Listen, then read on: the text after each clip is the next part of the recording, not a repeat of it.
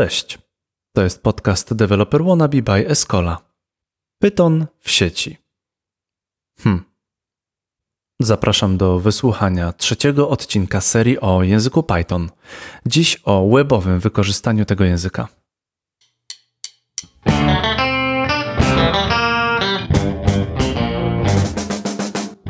Kolejną mądrą głową w podcaście jest Mikołaj Lewandowski. Mikołaj to jest senior Python developer w firmie STX. Pozdro Poznań, pozdro Gdańsk. Oprócz tworzenia Pythonowych aplikacji, Mikołaj uczy tego języka na kursach programowania, no i pisze o Pythonie na blogu pyjazz.pl. Mój gość cały czas się uśmiecha i choć to jest podcast, to po prostu słychać to w głosie. A jak taki mądry, miły człowiek jeszcze umie przekazać wiedzę developer wannabe, no to mamy skarb w formie audio. Ta rozmowa to jest pigułka wiedzy, taka wielka pigułka wiedzy, w której rozmawiamy o biznesowych aplikacjach, server-side renderingu i API oraz o frameworkach. No dlaczego Django jest najlepszy, wiadomo, nie? Oprócz tego wyjaśnimy zastosowanie takich czarodziejskich słów jak REST, ORM, AJAX. Ja poprosiłem Mikołaja, aby opowiedział o tym wszystkim z perspektywy osoby uczącej się programowania. Zapraszam do wysłuchania podcastu z Mikołajem Lewandowskim o webowym wykorzystaniu Pythona. Podaj ten podcast dalej i sprawdź, czy zasubskrybowałeś ten podcast. Czy jest tam taki przycisk subscribe na Twoim telefonie. No i go naciśnij. Jedziemy z tematem. Mieliśmy już podcast o tym, czym jest Python. Mieliśmy podcast o zastosowaniu Pythona, na przykład machine learning. Mamy podcast o tym, jak się stosuje Pythona w webie. To w ogóle było dla mnie pewne zaskoczenie, jak usłyszałem, że będziemy rozmawiać o webowym zastosowaniu Pythona, no ale koniec końców to zawsze, to, to wszędzie jest ten web, no to, no to Python musiał znaleźć swoje miejsce, tym bardziej, że wychodzi na to, że jest to najmądrzejszy, najfajniejszy język na świecie. Zdecydowanie. Goszczę Mikołaja Lewandowskiego. Dzień dobry Mikołaju, fajnie, że tu jesteś. Cześć, siema, jestem Mikołaj i jak to było? Python jest najlepszy, tak? Pa Python for Python life, for w ogóle tak. Python, Python najlepszy. PyJazz to jest y, twój blog, Pyjazz się pisze. Y, w Poznaniu, skąd ja nadaję, z tego co pamiętam, są Pyr, Python, coś takiego. Tak. E, taka ta, taka grupa, jest, no bo Py jak Pyra. W Gdańsku jest Pygda, jest, jest Python Łódź, no. Pywaw i tak dalej. Tak. Bardzo, bardzo wdzięczny ten temat tak jest. jest na Py. Na py. Mikołaj pracuje w STX-ie, jest tam senior developer, tak? Si, si, senior. Si, senior. Mam do ciebie mówić si, senior? No, nie trzeba. Mikołaj wystarczy. To pierwsze pytanie na, na początek jak, gdzie, po co. Wytłumacz mi, jak Python odnajduje się w webie. Jasne. E, myślę w ogóle, że możemy zacząć, ponieważ to jest taki początek z, z lotu ptaka, z wysoka, gdzieś tam takie ogólne pytanie, to możemy polecieć jeszcze odrobinę wyżej. Czyli najpierw w ogóle zastanowić się... Do gwiazd. E, tak, do gwiazd gdzieś, tak, tak, żeby ta ziemia, gdzie tam jest na dole, e, z wysokiego poziomu w ogóle zastanowić się e, nad tym w ogóle, co ten web, tak, czyli co, o co w ogóle, w ogóle chodzi z web developmentem, WTW, I, what, what, the web. WT, WTF, WT web, tak, dokładnie. I y, gdzie ten web jest i dlaczego w ogóle warto rozmawiać o web developmentie? E, no bo, bo, bo z czym się ten web development może nam kojarzyć? No może się kojarzyć nam na pierwszy taki rzut oka, y, na pierwsza myśl może to być tworzenie stron internetowych. No i tu mamy trochę rację. No ale, ale strony internetowe mogą nam się kojarzyć na przykład z taką, nie wiem, stroną e, szkoły, tak, że gdzieś tam ktoś na lekcji informatyki robi jakąś stronę dla szkoły, czy tam gdzieś swoją jakąś tam w HTML-u coś dłubał, tak dalej, no i to jest taki web development, taka statyczna strona, e, czy może trochę bardziej dynamiczna, no ale niezbyt ciekawa. No i e, tak było kiedyś, że, że takie możliwości tego weba były, ale aktualnie jak się zastanowimy nad tym, gdzie występują aplikacje webowe i takie biznesowe aplikacje webowe, e, no to one są wszędzie. I tak naprawdę praktycznie wszystkie wszystkie aplikacje, z którymi mamy interakcję, one zawierają jakieś elementy webowe. Albo to są aplikacje czysto webowe, gdzie na przykład mamy e, stronę banku, tak? Czy stronę, przez którą składamy wniosek jakiś, czy rejestrujemy się na jakieś wydarzenie, cokolwiek. To wszystko się dzieje przez przeglądarkę i przez weba. E, a nawet jeżeli mamy aplikację, która jest aplikacją taką, gdzie instalujemy sobie na telefon, czy, czy na taka desktopowa aplikacja, gdzie na komputer ją pobieramy, to pod spodem zawsze będzie serwer webowy gdzieś tam. Tak więc ten element webowy będzie nawet wtedy, przy czym e, no wtedy jest jakby, mówimy też o takiej desktopowej aplikacji, ale ten backend developer Pythonowy, o czym będziemy mówić za chwilę, wyjaśnić to wszystko, też będzie mógł taką aplikację tworzyć i też będzie tam potrzebny. E, tak więc tak, w obecnym świecie tak naprawdę e, te aplikacje webowe są wszędzie i tak naprawdę często do jak przychodzi biznes i ma jakiś problem, chce coś zrobić, to pierwszym rozwiązaniem jest zazwyczaj pójście w zrobienie jakiejś aplikacji webowej, e, ponieważ ma to bardzo dużo zalet, tak? Dzięki temu, że przeglądarki są tak naprawdę takimi super zaawansowanymi, no, można powiedzieć, że mini systemami operacyjnymi, e, to możemy tworzyć aplikacje, które są przenośne, e, nie wymagają od użytkownika przygotowania wielkiego, tak? No bo możemy wejść na stronę banku i założyć tam konto i nie musimy nic instalować na naszym komputerze, tak? A, a możemy mieć interakcję z tą stroną i tak naprawdę mnóstwo rzeczy tam robić. Tak więc e, web jest no, praktycznie wszędzie obecnie dzisiaj. Okej, okay. i tutaj wychodzi, że Python ma takie zastosowanie dosyć mocno techowe. Takie, te, te, takie mam wrażenie, że to no, no Java jest e, w środowisku e, biznesowym, e, bankowym i chyba od pewnego czasu przebojem wchodzi też tam Python.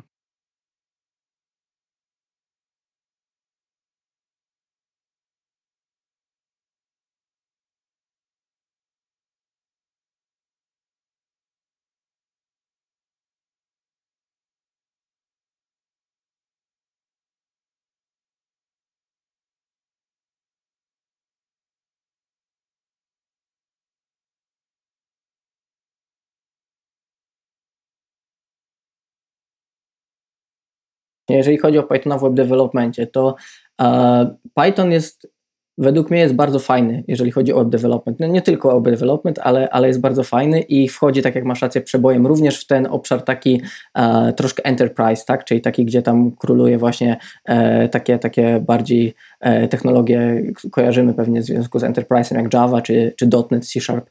E, dlaczego Python jest fajny? Ponieważ on fajnie łączy ogólnie to, to jest cecha Pythona, że on w fajny sposób łączy e, taki, taki złoty środek, robi pomiędzy różnymi e, tematami, które mamy w IT. I dzięki temu w Pythonie jesteśmy tak naprawdę w stanie bardzo szybko zacząć, jesteśmy w stanie bardzo szybko zrobić taką mini aplikację i pokazać biznesowi szybkie efekty. Możemy szybko coś sprototypować. A jak się nam okaże, że ta aplikacja jest fajna i że ten pomysł, który ma biznes, gdzieś tam będzie się rozwijał dalej e, w takim kierunku, w jakim by, chcieli, że to, to, to ma szansę się sprzedać, e, to nie ma żadnego problemu, żeby w Pythonie zrobić aplikację, która będzie ogromna. Tak więc możemy super szybko zacząć, a jednocześnie nie mamy czegoś takiego, że to się nadaje tylko do tworzenia małej aplikacji. E, będziemy oczywiście mieli pewne wyzwania w związku z tym, jeżeli będziemy tworzyć dużą aplikację typu Enterprise e, w Pythonie właśnie w stosunku na przykład do Java, ale jakby te wyzwania możemy sobie z nimi poradzić. Na tyle już mamy kompletny ten ekosystem Pythona, jeżeli chodzi o web development, na tyle mamy też świadomych, e, świadomy community i, i ten cały zestaw różnego rodzaju narzędzi, bibliotek, że bez problemu możemy tworzyć tak naprawdę dowolnego rozmiaru aplikacje e, webowe w Pythonie. Czy to jest, czy, czy, czy można zaryzykować taki, takie, takie twierdzenie, że no w tym momencie to skalowalność to jest ten taka biznesowa biznesowy walor, value tego, tego Pythona. Powiedziałeś, że można zrobić coś małego i budować już po prostu aż do kosmosu. Tak, tak. E, skalowalność tylko właśnie pod względem e, jakby nie, tutaj nie mówimy o względzie wydajnościowym, y, gdzie też oczywiście to jest jakby, to jest jakiś tam temat w Pythonie i, i z nim sobie również możemy radzić jak najbardziej, tylko skalowalność tego projektu, tak? Czyli możemy przyjść do zespołu i bardzo szybko na dzień dobry uzyskać pierwsze efekty, e, zobaczyć jakby ten nasz projekt, jak on rośnie naprawdę ekspresowo, a nie ma takiej sytuacji, że, że to jest jakby jakaś niedojrzała technologia, w której my możemy zrobić tylko jakiś prototyp, a potem to trzeba wszystko wyrzucić do kosza i ryzykujemy tym, że ten nasz szybki start potem będzie bardzo spowolniony w przyszłości, bo będziemy musieli na przykład przesiąść się na zupełnie inną technologię.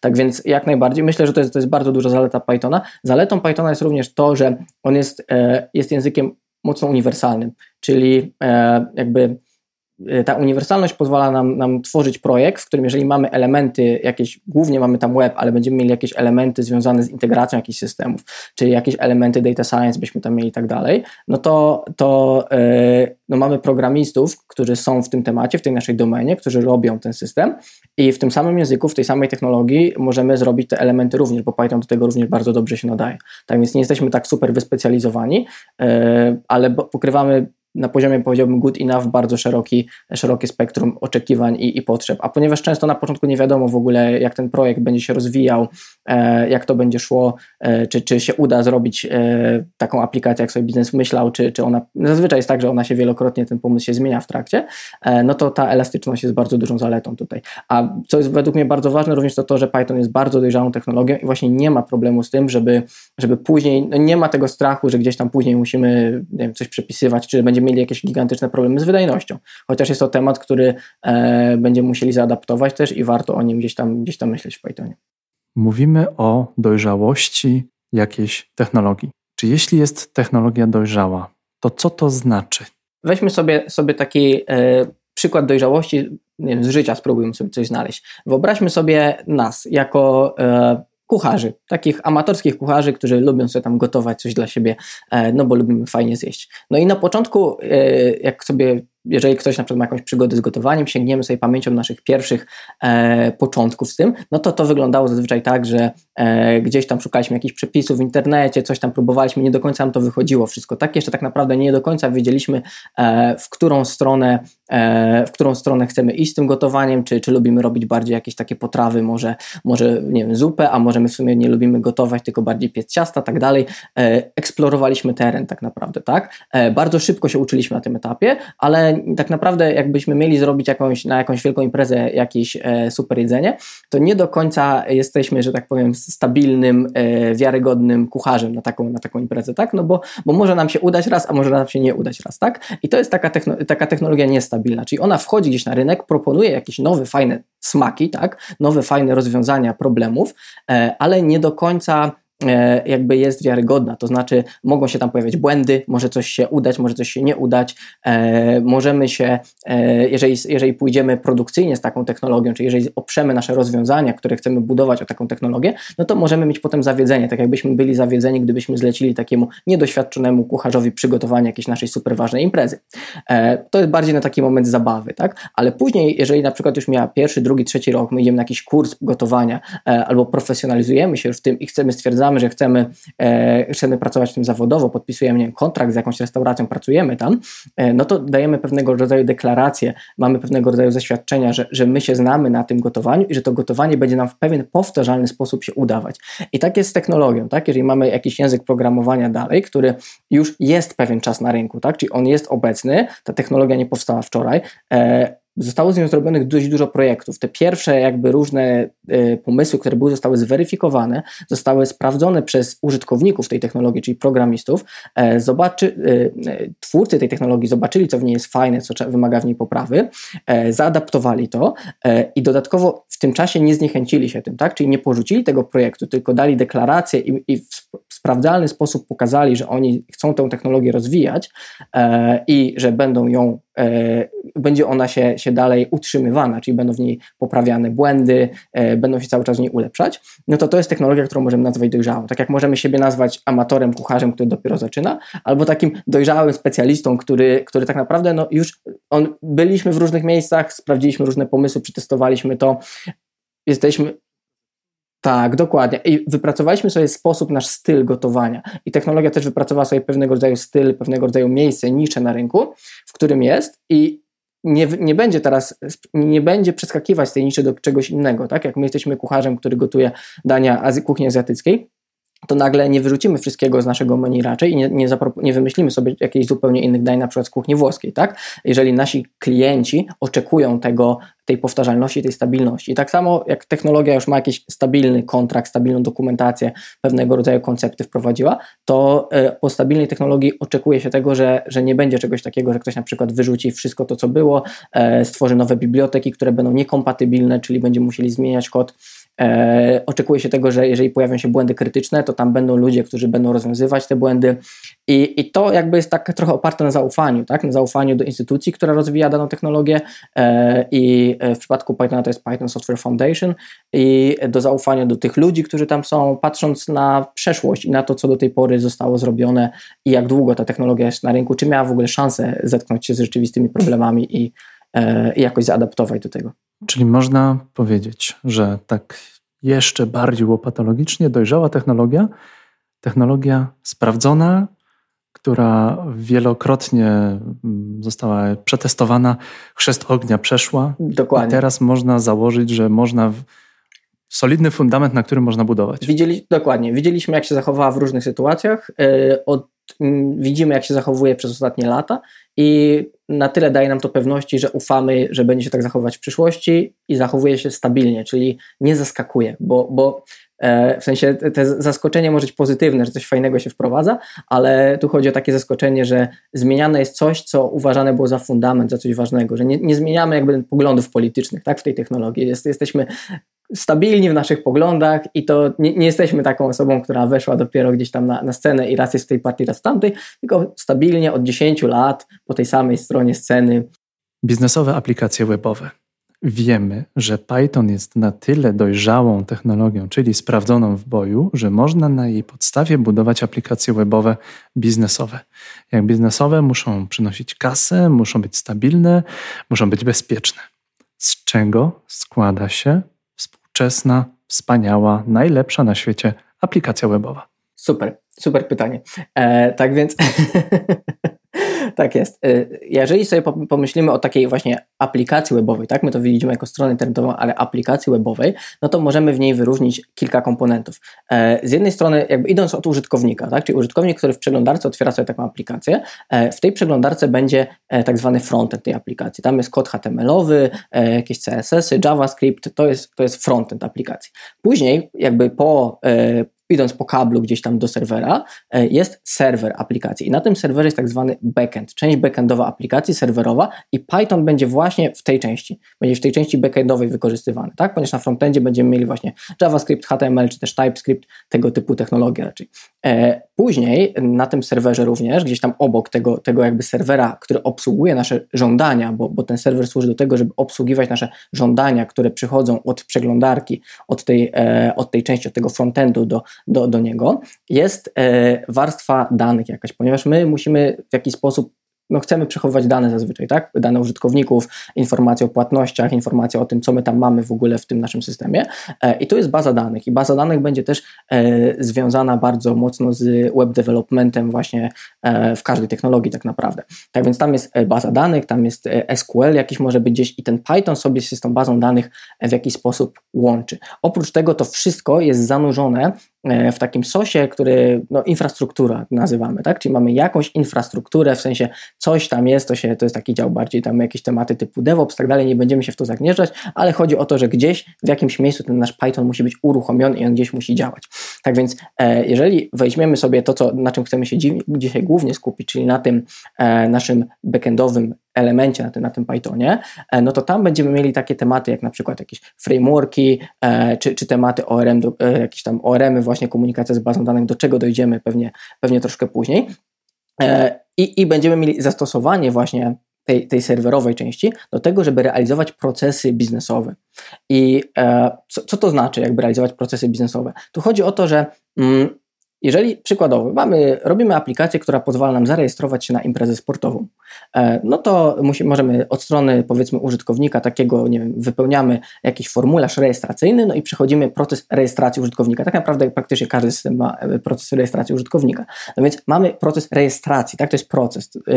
To, że to jest proces, to znaczy składa się z jakichś kroków, w których są sprawdzane pewne, mm, pewne założenia. Na przykład użytkownik, żeby przejść z kroku pierwszego do drugiego, musi podać imię, nazwisko i poprawny adres mailowy. Poprawny adres mailowy zawiera tam jakieś znaki e, i my to sprawdzamy. I można powiedzieć, że sprawdzamy ten proces, możemy go realizować po części frontendowej. Tak jest często zrobione, że to się dzieje również w części frontendowej, że tam mamy takie walidacje i, i pomagamy użytkownikowi, że poprawnie ten proces przed po części frontendowej, ale my nigdy nie możemy założyć, że mamy do czynienia z takim dobrym, bezpiecznym użytkownikiem. Czasami ponieważ frontend się wykonuje de facto na komputerze klienta, na tego użytkownika, to ktoś może sobie pominąć tą aplikację frontendową i wysłać żądanie bezpośrednio do serwera. Dlatego cały proces biznesowy, tak jakby ten core, to, to, to najważniejsze miejsce, musi być od strony spójności danych, od strony walidacji, musi być napisane e, na backendzie, ponieważ to jest jedyne miejsce, do, na, na które tak naprawdę jako programiści i jako właściciel danej firmy mamy wpływ całkowicie. Więc tam możemy się upewnić, że żądanie, które do nas przyszło, jest poprawny, to znaczy, że tam jest imię, że tam jest nazwisko, że tam jest adres mailowy. E, na przykład, że na przykład użytkownik, który rejestruje się na jakąś imprezę, on opłacił wcześniej tą imprezę, tak? No bo moglibyśmy, sprytny taki haker mógłby sobie przygotować żądanie webowe i wysłać żądanie, że ja chciałbym się zarejestrować, opłacone, tak, opłacone. No ale my musimy mieć rzeczywiście jakieś potwierdzenie tego, że to jest opłacone i nie możemy tego sprawdzić tylko po stronie frontendu, no bo on by mógł właśnie tą część pominąć, więc właśnie tego typu rzeczy, jakby ta spójność danych, weryfikacja tego, czy, czy to, co przyszło do nas jest poprawne, e, sprawdzanie stanu tego procesu biznesowego będzie realizowane głównie po stronie e, backendu właśnie w tej części. To, ten flow biznesowy, jakby, który tam będzie, tak, czyli ten proces biznesowy, on będzie e, zawsze tak naprawdę, ale to, co dokładnie będzie robił, jakby, e, co będzie robiła nasza ta aplikacja backendowa w Pythonie, będzie też trochę zależało od tego, e, jakiego typu aplikacja to będzie. Czyli czy to będzie aplikacja taka mm, typu stare aplikacje webowe, takie stare podejście do, do budowania aplikacji webowych, e, gdzie mamy server-side rendering, e, czy też e, nowe podejście, w którym raczej wystawiamy coś takiego jak API, czyli Application Programming Interface.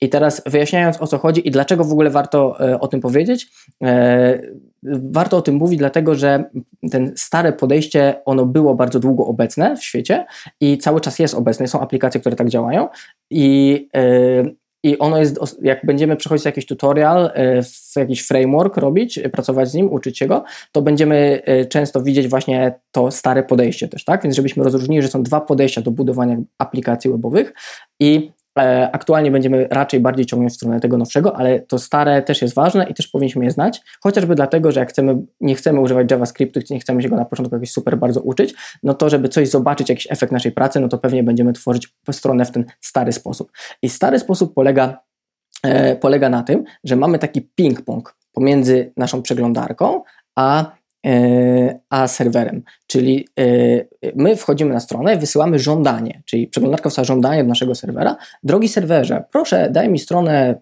taką, pygest.pl, tak? I serwer odsyła kod HTML.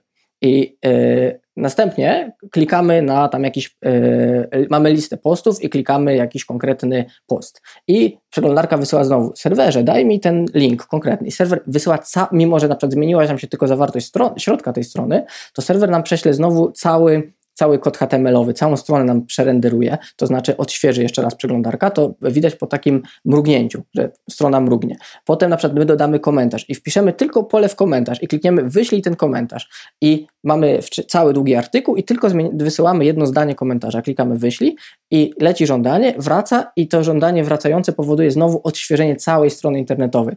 I to jest, e, to jest, to działa w ten sposób właśnie, że, że kod za każdym razem, za każdą naszą interakcją z tą stroną musi, jest wysyłane żądanie, które zwraca nam całą nową stronę. Nawet jeżeli na tej stronie nic się nie zmieniło, dosłownie pojawiła się jedna nowa linijka e, naszego komentarza, który dodaliśmy, albo mamy e, tabelkę z danymi i tylko kliknęliśmy kolejna strona, tak? No to, to tylko zmieniła się zawartość tej tabelki, nagłów, nagłówek, jakieś tam logo, tak dalej, one, one zostały te same, ale w tym starym podejściu e, to jest renderowane po stronie, aplika- po stronie backendu, czyli jeżeli to żądanie sobie przyjdzie na, na stronę backendu, to tam mamy coś takiego jak taki szablon HTML-owy, czyli kod HTML-owy piszemy też przy okazji pisania tego naszego backendu. W tym szablonie HTML-owym mamy takie mm, miejsca, gdzie sobie wstawiamy jakieś takie dynamiczne wartości i ten Python nasz obsługuje ten HTML. Tak więc Python bierze sobie te pliki HTML-owe, bierze sobie jakieś dane z bazy danych i to tak skleja i nam wysyła ciach i takie wielkie dokumenty latają sobie e, do serwera ci żądanie, wraca wielki dokument, znowu żądanie, wielki dokument i tak dalej.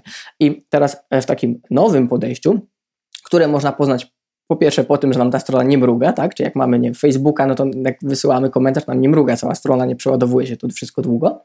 E, mamy coś takiego jak API, czyli e, mamy pewnego rodzaju interfejs, który e, bazuje na danych, to znaczy rozdzielenie, rozdzielenie nieco odpowiedzialności, tak? Więc jakby e, po stronie po stronie tej, tego backendu, tego serwera, mamy odpowiedzialność związaną z dostarczeniem danych, z zapewnieniem spójności, z realizacją procesu biznesowego, bo to w stanie zrealizować tylko backend.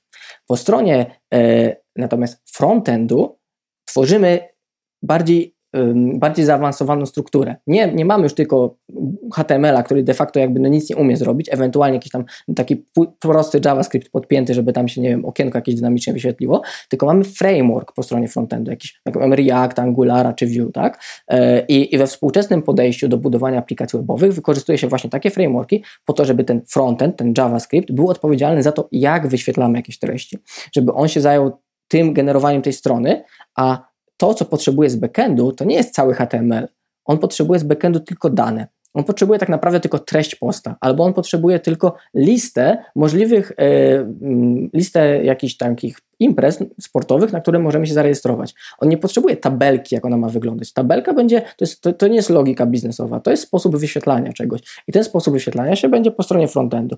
A jakie są tam imprezy, czy ja mogę wyjść na jakąś imprezę, czy nie, czy ja opłaciłem coś, czy nie, no to to już jest zapisane w bazie danych i to będzie e, przesyłane z backendu. Tak więc ważne jest to, żebyśmy rozróżnili te dwa sposoby, tak? czyli taki ping-pong i, i API, gdzie mamy e, użyty jakiś framework po stronie e, frontendu. Ja to wszystko rozumiem. To jest to, wow, wow, wow, wow. To. Jest, to, to jest, to jest Powtórzę się, bo będę to powtarzał bardzo często. To jest podcast, do którego zapraszamy mądre głowy. Ja tym głowom zadaję najbardziej lamerskie pytania, najbardziej podstawowe pytania. Czasami pytania, okazuje się, że pytania, które zawsze deweloper wannabe chciał zadać, ale trochę się bał. Więc ja te pytania dosyć często zbieram od ludzi. O czym byście chcieli spytać? Potem taka mądra głowa poświęca mi godzinę. Ja zadaję te pytania, nagrywam, wypuszczam w, w postaci podcastu. Fajnie, fajnie. Wytłumaczyłeś plus minus bardzo ogólnie, ale zrozumiale frontend, backend, jak Python um, szaleje na backendzie, jak Python dostarcza nam te rzeczy, które tak naprawdę potrzeba.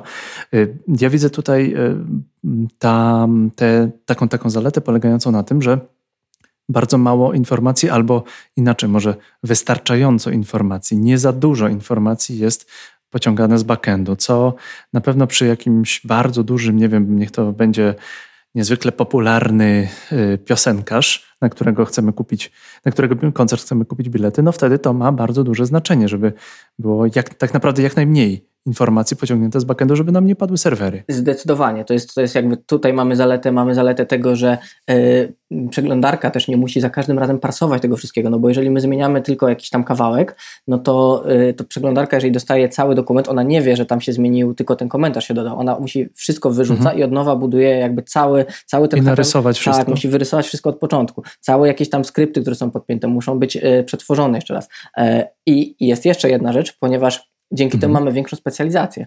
Po stronie, e, co, co to znaczy? Po stronie frontendu możemy się, się, specjalizujemy się właśnie w tym, co robi frontend. Czyli jeżeli mamy to podejście stare, to tam mamy te szablony HTML-owe i tak dalej i e, tam robienie jakby takich fajnych, dynamicznych aplikacji jest mozolne i trudne, ponieważ ten, ta technologia backendowa, czyli Python plus jakieś szablony HTML-owe, ona jakby nie jest bardzo wyspecjalizowana w tym, żeby dostarczać super fajny interfejs użytkownika. Oczywiście można to zrobić jak najbardziej, ale e, frameworki i takie rozwiązania, które mamy w JavaScriptie, e, taki, taki React tak, czy, czy Angular, one są dużo, dużo dalej idą e, w stosunku tego, co dają, jakie możliwości dają programiści do tworzenia fajnych interfejsów dla użytkownika. One są mocno w tym wyspecjalizowane i dzięki temu mamy, mamy e, frontend jest wyspecjalizowany w tym, żeby to się fajnie wyświetlało i żeby to łatwo się pisało, e, a backend, backend w tym, żeby te procesy były stabilne, żeby one były spójne i żeby się mogły dobrze przetwarzać i wydajnie. I e, dzięki temu, że mamy właśnie tą, tą specjalizację, no to, to możemy się skupić na tym, co jest tak naprawdę ważne e, i każda, i łącznie mamy lepszą aplikację po prostu, tak? No bo, bo mamy, mamy wyspecjalizowany frontend, mhm. który łatwiej stworzymy. Każdy robi to, co trzeba, po prostu. Tak, jest. A, a, a, mamy, a tu mamy różne wyzwania, bo to są różne wyzwania tak naprawdę. Tak? Innym wyzwaniem jest to, że my chcemy fajnie strukturyzować sobie e, stronę internetową, naszą, naszą aplikację, w której mamy jakieś komponenty, podejście komponentowe. To jest to, co teraz aktualnie jest um, jakby wiodące podejście, jeżeli chodzi o, o frameworki frontendowe. I, i tam mamy takie wyzwania właśnie, jak te komponenty łączyć, jak je ponownie używać, jak dystrybuować dane pomiędzy tymi komponentami, jak trzymać jakiś stan aktualny, a inne będziemy mieli wyzwania zupełnie na backendzie, jak na przykład e, jak zachować transakcje, e, czyli w sensie coś takiego, jak zapewnić, że, że jeżeli my realizujemy jakąś operację i na przykład w trakcie tej operacji musimy sprawdzić jakieś warunki, to nie wystąpi taka sytuacja, że, że nam te warunki się zmienią, zanim my zakończymy tą operację, tak? Że my sprawdziliśmy coś, ok, niby możemy iść dalej, ale zanim my zrobimy coś dalej, to rzeczywistości tam to już przestało być e, prawdziwe. To, to jest na przykład wyzwanie, które będziemy mieli na backendzie. E, jak będziemy mieli na frontendzie, będziemy się, będzie aplikacja frontendowa przetwarzana na komputerze każdego oddzielnego użytkownika. Na backendzie będziemy obsługiwać setki, tysiące, miliony użytkowników czasami, tak? E, pojedynczą aplikacją, więc to jest zupełnie innego, innego rodzaju wyzwania tutaj będą. I dzięki temu możemy się specjalizować i mamy bardzo fajne, dlatego mamy programistów frontendowych, backendowych, mamy też, możemy być też full stackami, tak? E, bo ja sam mam sporo doświadczeń również frontendowych i, i to jest fajne w web developmentie, jak się ma doświadczenia z jednej i z drugiej strony. E, ale, ale jest ta specjalizacja od strony technologii, to na po prostu le, jest lepszy młotek do, do e, odpowiedniego gwoździa. Metafora, metafora bardzo, bardzo dobra. Wiesz, teraz, mi, teraz, do, teraz do mnie dochodzi jedno pytanie, które, mm, które zadałem na, na kilku grupach na Discordzie i okazało się, że jest pewne pytanie. Um, nie wszyscy z osób, z którymi rozmawiałem o naszym podcaście, e, o naszym planowanym podcaście, rozumieją, że um, można robić webowo na backendzie i to nie jest pisanie strony. To trzeba, to trzeba chyba zasygnalizować. Tak, tak, jest dokładnie. To znaczy, właśnie jeżeli będziemy robić tą wersję, e, nowe podejście do budowania aplikacji, to odpowiedzialność, odpowiedzialność, które, nowe podejście, które praktycznie jest standardem przy tworzeniu nowych aplikacji. Tak? To jest praktycznie standard. E, jeżeli tworzymy jakąś aplikację produkcyjną, to w większości przypadków będziemy tworzyć ją właśnie w ten sposób, żeby, że backend, odpowiedzialnością programisty backendu będzie to, żeby wystawić właśnie JSONy, API, dane. JSONy, mhm. czyli JSON JavaScript Notation Object, e, czyli po prostu taki, taki zapis, taka notacja do przesyłania danych. Ona jest bardzo czytelna dla człowieka. Mamy klucz wartość, na przykład mamy tam właśnie imię, Mikołaj, nazwisko, Lewandowski i tak dalej, i tak dalej. I takie, takie dane zamiast całego kodu HTML-owego sobie latają pomiędzy frontendem i backendem. I odpowiedzialnością backendu jest właśnie przyjmowanie takich danych i od, od wystawianie takich, takich danych tak? E, mhm. na poszczególnych adresach, które są wysyłane niejako pod spodem, w sensie aplikacja frontendowa właśnie sobie tam wysyła, odbiera, przetwarza i coś z tymi danymi robi. E, więc jak najbardziej i, i będąc takim programistą właśnie backendu, jakby my bez, bez tego frontendu, no my nic, jakby efekt naszej pracy jest mało intrygujący, można było powiedzieć, tak? No to są jakieś tam tekst, coś tam, jakieś dane, liczby, coś jest jakiś... Kawał spa spaghetti tak, ogromny. Jest, tak jest, tak jakieś tam, no co, coś, JSON, tak? Taki, no mało ciekawe może być. Teraz muszę wsadzić kij w mrowisko, bo musimy przejść do frameworków. Frameworki jako ten sposób działania, sposób pracy, yy, który wytłumaczył mi kiedyś yy, chyba najlepszy podcaster IT w Polsce, Krzysiek Kępiński. Pozdro Krzychu, jesteś niesamowity. To jest programista Ruby, który opowiadał mi o, o frameworkach i tam taka padła myśl mniej więcej, że frameworki są po to, żebyśmy dużo rzeczy robili bardzo podobnie i żebyśmy się nie wywalali na podobnych rzeczach. Że to są już sprawdzone momenty. Znowu wracamy do podobnego stwierdzenia, jak mówiliśmy o sprawdzonej technologii, o dojrzałej technologii, że już przetestowane wiele rzeczy zostało. Dlaczego najlepszym frameworkiem dla Pythona jest Flask? E, nie jest. ale, ale, żeby, ale żebym powiedział, jaki jest najlepszy, to musiałbym użyć tego sformułowania, które jest tu zakazane, więc. Nie e, można, więc, to zależy, nie ma, nie, ma. Nie mówmy o najlepszym frameworku, powiedzmy. Powiedzmy o, o, powiedzmy o, o frameworkach, tak. Okej, okay, więc e, ja bym jeszcze może powiedział trzy słowa właśnie o tym, o tej definicji frameworka i co nam daje Dawaj. framework w ogóle. Bardzo dobrze to, to ująłeś, tak więc e, dokładnie. Framework będzie jakby będzie rozwiązywał nam pewne, w pewien powtarzalny sposób pewne powtarzalne problemy, tak? I będzie je rozwiązywał e, generycznie. Generycznie to znaczy w taki sposób bardzo ogólny dla mm, dużej ilości, będzie odpowiedni w miarę dla dużej ilości różnego rodzaju problemów. E, I e, dlaczego to w ogóle ma sens, żeby mieć coś takiego jak framework webowy, tak? Ponieważ jeżeli piszemy aplikację webową, no to każda aplikacja jest różna pod jakimś względem, no bo zajmuje się trochę czymś innym, ale pod pewnymi względami są one takie same, to znaczy mamy tam dużo podobnych albo nawet identycznych wyzwań, e, niezależnie od tego, czy piszemy aplikację bankową, czy piszemy aplikację no, właśnie przetwarzającą wniosek o e, przyjęcie do klubu piłkarskiego na przykład, tak? E, to, to będą pewne problemy takie bardzo techniczne, będą bardzo podobne. I co to są za problemy techniczne i co nam daje framework? Na przykład jest to przetworzenie y, żądania, tak? Czyli mamy jakiś protokół, komunikujemy się za pomocą jakichś uzgodnionych standardów, można powiedzieć, tak? Y, sposobu komunikacji między y, właśnie frontendem a backendem i, i trzeba jakby te, te, dane, które przyjdą w jakiejś tam postaci, trzeba w jakiś sposób przetworzyć, żeby one były przyjazne dla programisty. No i oczywiście można to sobie zrobić samemu na piechotę, ale można mieć framework, który nam to już przetworzy do takiego poziomu, który daje nam bardzo dużą elastyczność, e, praktycznie do wszystkich aplikacji będzie ona odpowiednia, ale ale jednocześnie nie musimy tego robić samemu, co byśmy zawsze musieli zrobić. Tak? Kolejna rzecz to będzie e, na przykład routing, tak zwany. Routing, czyli e, w jaki sposób połączyć adres aplikacji, znaczy e, adres naszego no, na serwerze, jaki mamy, adres URL, z konkretną akcją, która ma się wykonać. Tak? No to jest w każdej aplikacji mamy to wyzwanie i, i potrzebujemy tego rozwiązania. Bezpieczeństwo, czyli rozwiązanie jakichś różnych problemów, tak jak na przykład ataki typu SQL injection, tak? czy, czy, czy jakiś tam cross site scripting i tak dalej, takie, takie skróty. Niekoniecznie musimy się jakoś głęboko w to wdrażać. E, chodzi o to, że są różnego rodzaju popularne ataki, takie standardowe, e, które nam z którymi będziemy mieli do czynienia, będziemy musieli zabezpieczyć każdą aplikację webową.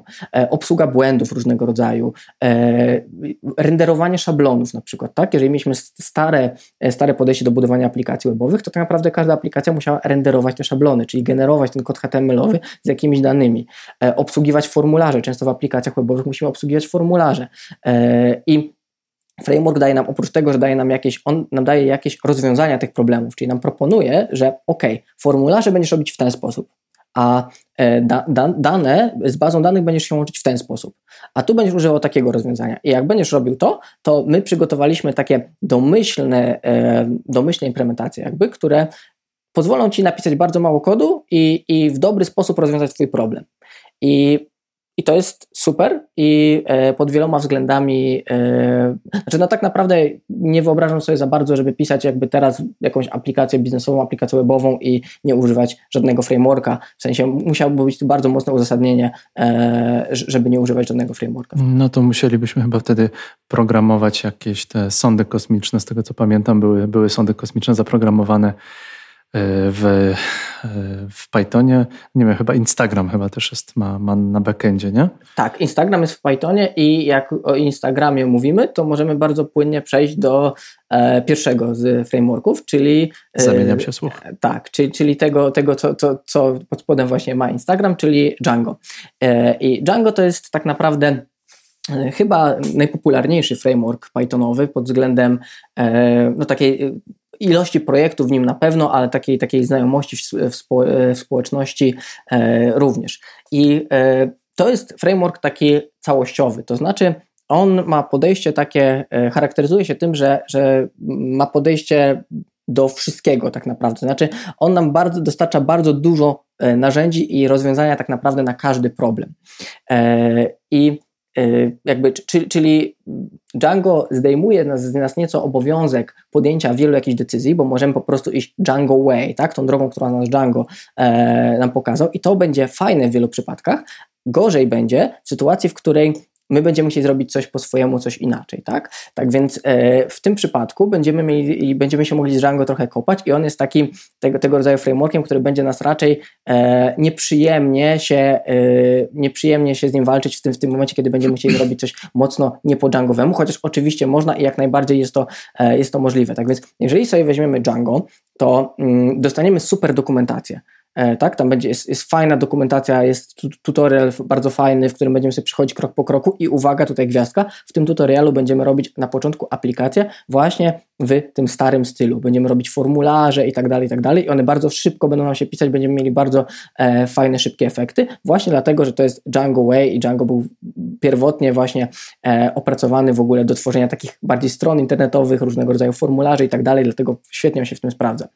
E, jak będziemy mieli Django, to e, jak przebiegniemy przez tą część dokumentacji, zaczniemy budować taką aplikację, to w Django będziemy raczej mieli coś takiego, że będziemy mieli za dużo rzeczy dostarczonych przez framework. Czyli on nam da tyle opcji i z tych opcji my będziemy raczej wyrzucać. My nie potrzebujemy formularzy, bo to jest frontend, mamy oddzielnie, nie potrzebujemy tak naprawdę e, jakiegoś tam, jakiejś obsługi szablonów w ogóle i tak dalej. My będziemy usuwać i nie używać części, którą nam Django daje.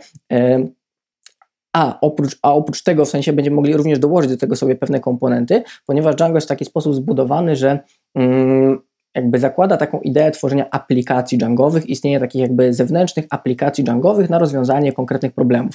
Jest bardzo, bardzo dużo takich aplikacji, które możemy po prostu sobie, do, pisząc kilka linii kodu, dołożyć do naszego Django. Na przykład aplikacja, która ma nam obsłużyć jakiś sposób logowania użytkownika, tak? Albo aplikacja, która ma nam zapisywać historyczne dane w naszej aplikacji. Chcemy, żeby jak coś się zmieni, użytkownik zmieni sobie profil, yy, to żeby się zapisało, jaki miał wcześniej profil, jaki ma teraz profil. Nic, nic trudnego w Django, piszemy kilka linii kodu dosłownie dosłownie wszystko się dzieje automagicznie, o ile odpowiada nam sposób, w jaki robi to aplikacja i w jaki robi to Django. Jak nam to nie odpowiada, no to już trzeba pisać samemu w tym przypadku. Tak, tak, więc, tak więc to będzie to podejście Django. E, z drugiej strony mamy coś takiego jak, e, jak Flask.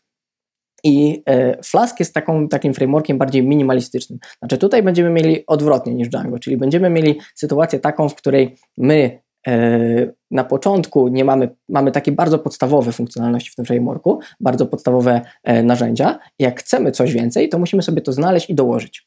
Flask nam na przykład nie będzie jakoś bardzo specjalnie narzucał struktury projektu, E, nie będzie taki, e, taki despotyczny, jeżeli chodzi o jakieś decyzje dotyczące tego, w jaki sposób łączymy się z bazą danych. Tam jest taki preferowany sposób e, łączenia się, który wykorzystuje SQL Alchemy, o czym co to jest i tak dalej, to pewnie jeszcze, jeszcze za, za moment opowiem, ale w Flasku będzie dużo łatwiej pójść w coś własnego, w coś innego, tak? I, i to znowu ma pewnego rodzaju plusy i minusy. Flask też ma całkiem fajną dokumentację i jakby jego plusem dużym z perspektywy osób początkujących jest to, że pisząc w Flasku uczą się bardziej tworzą aplikację bardziej e, taką, no web development robią, tak? W sensie robią aplikację, która jest ogólna bardziej, a robiąc e, projekt w Django możemy mieć taki problem, że trochę jesteśmy zbyt Django, na Django skoncentrowani, tak? I potem nie jesteśmy programistami backendu, tylko jesteśmy programistami Django, bo, bo potrafimy robić rzeczy tylko po Djangowemu i tylko w ten jeden sposób. Tak więc tu jest taki, e, takie, takie znowu we flasku ryzyko, że ponieważ my musimy podjąć bardzo dużo decyzji, musimy wybrać sobie, jak będzie wyglądać struktura naszego projektu, musimy sobie właśnie skonfigurować jakieś dodatkowe zależności, dodatkowe biblioteki poinstalować, no to e, to, to jest ryzykowne od, od tej strony, że my na początku przecież nie wiemy, jak to ma być dobrze zrobione, tak? No bo no musimy poszukać, to będzie od nas wymagać tego wysiłku dodatkowego, możemy wybrać źle, e, no a w Django jakby jest troszkę, jesteśmy poprowadzeni bardziej za rączkę, przy czym tu trzeba być uważnym, żeby nie pójść za daleko w tą stronę, tak? W sensie, żeby mieć z tyłu tą, e, tą myśl, że Django zostało stworzone właśnie i ono bardzo fajnie działa z takimi aplikacjami, które są, które są server-side rendering, e, gdzie zazwyczaj nie będziemy pewnie potem tworzyć już takiej aplikacji, tak? E, tak więc tutaj mamy, mamy te dwa frameworki i mamy jeszcze E, trzeci, o którym, e, znaczy w ogóle frameworków jest bardzo, bardzo dużo, tak? Tak więc jakby e, jest coś takiego jak Pyramid, to jest taki starszy framework, jest, jest mnóstwo jakichś tam Web2Py, Twisted, kiedyś był Tornado, mnóstwo, mnóstwo różnych jakichś takich Falcon, tak? Jest, jest nazw, jak sobie wpiszemy Python Web Framework, tego jest pełno, ale jakby te dwa są najpopularniejsze, czyli Django i Flask i jeszcze trzeci, o którym który jest nie do końca właśnie pytanie, czy on jest już dojrzały, tak? bo jest bardzo świeżym i nowym frameworkiem, czyli coś takiego jak Fast API. I, i ten framework jest on jest o tyle ciekawy, że on bardzo fajnie z mojej perspektywy jakby adresuje potrzebę właśnie budowania takich większych, bardziej złożonych aplikacji biznesowych, ponieważ w fajny sposób e, wykorzystuje e, nowe funkcjonalności, które zostały wprowadzone do Pythona w wersji e, tam wersji 3 5, tak, czy e, w, w, tych, tej nowszej gałęzi Pythona, jak na przykład e, typowanie, tak, czyli definicja typów i sposób definicji tego naszego, mm, tego jakie dane będziemy przetwarzać, jak chcemy je e, sobie mm, sprawdzać, czy są poprawne, czy są niepoprawne, czyli rozwiązanie takich problemów, które często są też, często powstają w przypadku pisania aplikacji webowych w fajny taki ogólny sposób, czyli ponieważ Django jest, jest jakby dużo starszym i właśnie dużo dojrzalszą technologią, no to on, on jest bardzo stabilny, tak, tam ma cały, cała fundacja, która się zajmuje jego rozwojem i jakby dużo tego różnych rodzajów wspomagaczy narosło dookoła Django. Fast API jest, jest e, praktycznie rok, ma ten projekt. E, jest bardzo fajny i bardzo interesujący. Niekoniecznie bym polecał jakby zaczynać z tym, w sensie jeżeli ktoś chciałby zobaczyć i się nauczyć, myślę, że warto, ale pod kątem szukania na przykład pracy, to myślę, że e, tu bym ostatecznie polecił Django. Przy czym z tym pamiętając, że, że Django e, trzeba myśleć nie tylko o Django i mieć jakiś, na przykład zrobić jakiś projekt we Flasku też, czy, czy w Fast API, spróbować jak to inaczej wygląda, ale Django z tego względu, że y, najwięcej projektów jest w Django po prostu, więc będzie nam najłatwiej y, znaleźć pracę, w której będzie wymagane Django od nas. Żeby, żeby zrozumieć na sam początek, to ja rozumiem, że mógłbyś polecić Django, żeby, żeby się nauczyć, no, ale musimy też jeszcze tylko chyba cofnąć się do takiej, takiej podstawowej zasady, że to najpierw się naucz Pythona, a potem iść, idź sobie w Django. Jak najbardziej, jak najbardziej. Jeżeli chodzi o właśnie kolejność w ogóle nauki, to jakby, znaczy, jakby ja, moja idea w sensie tego, w jaki sposób można by się było, znaczy w jaki sposób według mnie optymalnie zuczyć się Pythona i, i programowania tak, w Pythonie, jeżeli ktoś chce w web development, to jest tak, że najpierw buduj, powinniśmy zbudować sobie fundament Pythona, tak, więc jakby język to jest, to jest taki fundament i i potem, jak mamy ten język, to możemy iść tam w data science, jakieś tam, tak, czy, czy przetwarzanie danych, czy, czy machine learning, czy, e, czy web development, ale, ale Pythona musimy znać, no bo wszędzie tego Pythona będziemy używać. I, i to, czy to będzie Django, czy Flask, czy, czy Falcon, czy Fast API, czy cokolwiek innego, czy, czy machine learning, to będzie tam Python. Więc e, początek to jest to, żebyśmy ba, powinniśmy bardzo dobrze znać Pythona, tak naprawdę, czyli to, co jest w składni Pythona jest e, w sensie nie tylko znać te słowa kluczowe po prostu, ale znać bibliotekę Pythona, znać podejście idiomy Pythonowe i tak dalej, to czego możemy się nauczyć po prostu z różnego rodzaju dokumentacji, przykładów, tutoriali i kursów. I to jest ta podstawa i na tym powinniśmy wtedy pójść w w jakiś, jeżeli chcemy mieć webówkę, no to, to, to jakiś framework najlepiej, tak? Bo to będzie na pewno sporym atutem, jeżeli e, chcemy iść do E, do pracy w firmie, która zajmuje się webówką. Tutaj też, jeżeli ktoś się zastanawia, jeżeli ktoś ma już tą podstawę Pythona, ktoś by się zastanawiał, czy, czy taki, czy inny framework, no to uprzedzając może pytanie, to wydaje mi się, że no, Django, tak jak mówiłem, polecam z takich z tych względów, o których mówiłem, ale jeżeli są jakieś firmy w Twojej okolicy, tak, czyli masz wiem, jakieś oferty, które widzisz, to można zobaczyć, co te firmy robią, a można ich nawet zapytać, można na ich maila napisać, że e, chcesz być tam juniorem i, i w czym wypiszecie, w sensie jakich używacie frameworków, bo chcę się nauczyć tego, co robicie, bo chcę do Was aplikować, tak? Więc to jest jakby wtedy, wtedy jest na pewno atutem, że że umiemy to, co dana firma wykorzystuje. Ja ten podcast, naszą rozmowę reklamowałem jako dużo różnych, ciekawych, mało zrozumiałych skrótów. No i te skróty już wpadają. Tak, e, API, chodziło o ping-ponga, server-side i tak dalej. Teraz przechodzimy do tego skrótu, który mi się pierw, na pierwszy rzut oka kojarzył ze starym Windowsem chyba 98, tylko po przemyśleniu zrozumiałem, że to wcale nie był ORM, tylko OEM. E, to musimy chyba powiedzieć w kontekście Django. Czy, czy, czy ja dobrze rozumiem? A, myślę, że i w jednym i w drugim, w sensie i w Django, i w przypadku jakiegokolwiek innego frameworka i w ogóle web developmentu możemy znowu zacząć jakby wysoko i trochę zanurkować. E, tak więc, e, tak więc ORM to jest Object Relational e, Mapper, czyli mapper, dosłownie tłumacząc, mapper obiektowo-relacyjny. I, I, co to w ogóle znaczy a, i o co na A po naszemu, po właśnie, naszemu. Właśnie, o co chodzi? E, otóż potrzeba istnienia takiego mapera, który będzie nam tłumaczył, tak, mapowo, czyli tłumaczył jedne rzeczy na drugie, wynika z faktu, że e, mamy coś takiego jak bazy danych. I bazy danych, e, mamy różne bazy danych, ale jakby taką jedną główną frakcją tych baz danych są bazy danych relacyjne, tak? I bazy danych relacyjne nazywają się z tego względu, tak, że tam są relacje. E, relacje to tak naprawdę jest, e, to jest z, z, jakby z definicji matematycznej wychodzi, ale chodzi o tabelki, czyli w bazie danych są tabelki.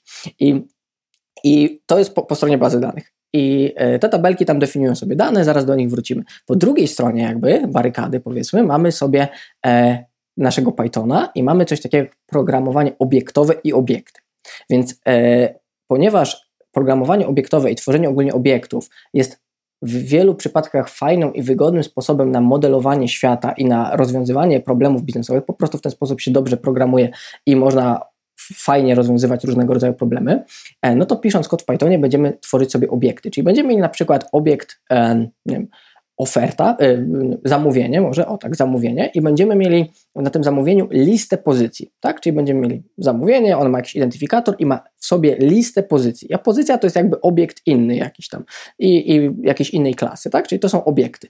I problem jest taki, że jak chcielibyśmy takie zamówienie sobie zapisać do bazy danych, no bo klient dodał tam pięć pozycji, czyli mamy jakiś identyfikator, nowe zamówienie numer 5, e, imię, nazwisko klienta i pięć pozycji, każda pozycja ma jakieś tam informacje na temat tego, co to jest za, za element zakupiony i chcielibyśmy zapisać to, żeby potem przesłać na przykład do, do działu wysyłki zamówień, tak? No to musimy to umieścić w bazie danych, ale w bazie danych nie możemy zrobić czegoś takiego lista w bazie danych relacyjnej, tak? Lista pozycji. W bazie danych będziemy mieli strukturę, która będzie wyglądać tak, że mamy coś takiego jak zamówienie i to jest jedna tabelka i w tym będzie sobie wpisane w tej tabelce taki wiersz, że tu jest identyfikator zamówienia, tam nowe zamówienie numer 5. Będziemy mieli oddzielną tabelkę, która zawiera pozycję zamówienia i każda pozycja zamówienia będzie miała jakieś swoje dane, plus będzie miała takie wskazanie, taki klucz obcy łączący, który, który mówi, że, że ta pozycja to z tego zamówienia, ona dotyczy tego zamówienia. I, I to jest jakby kwestia czysto techniczna. To, to jest kwestia rysowanie czy... sznurków, rysowanie linii, jedno z drugim, tak?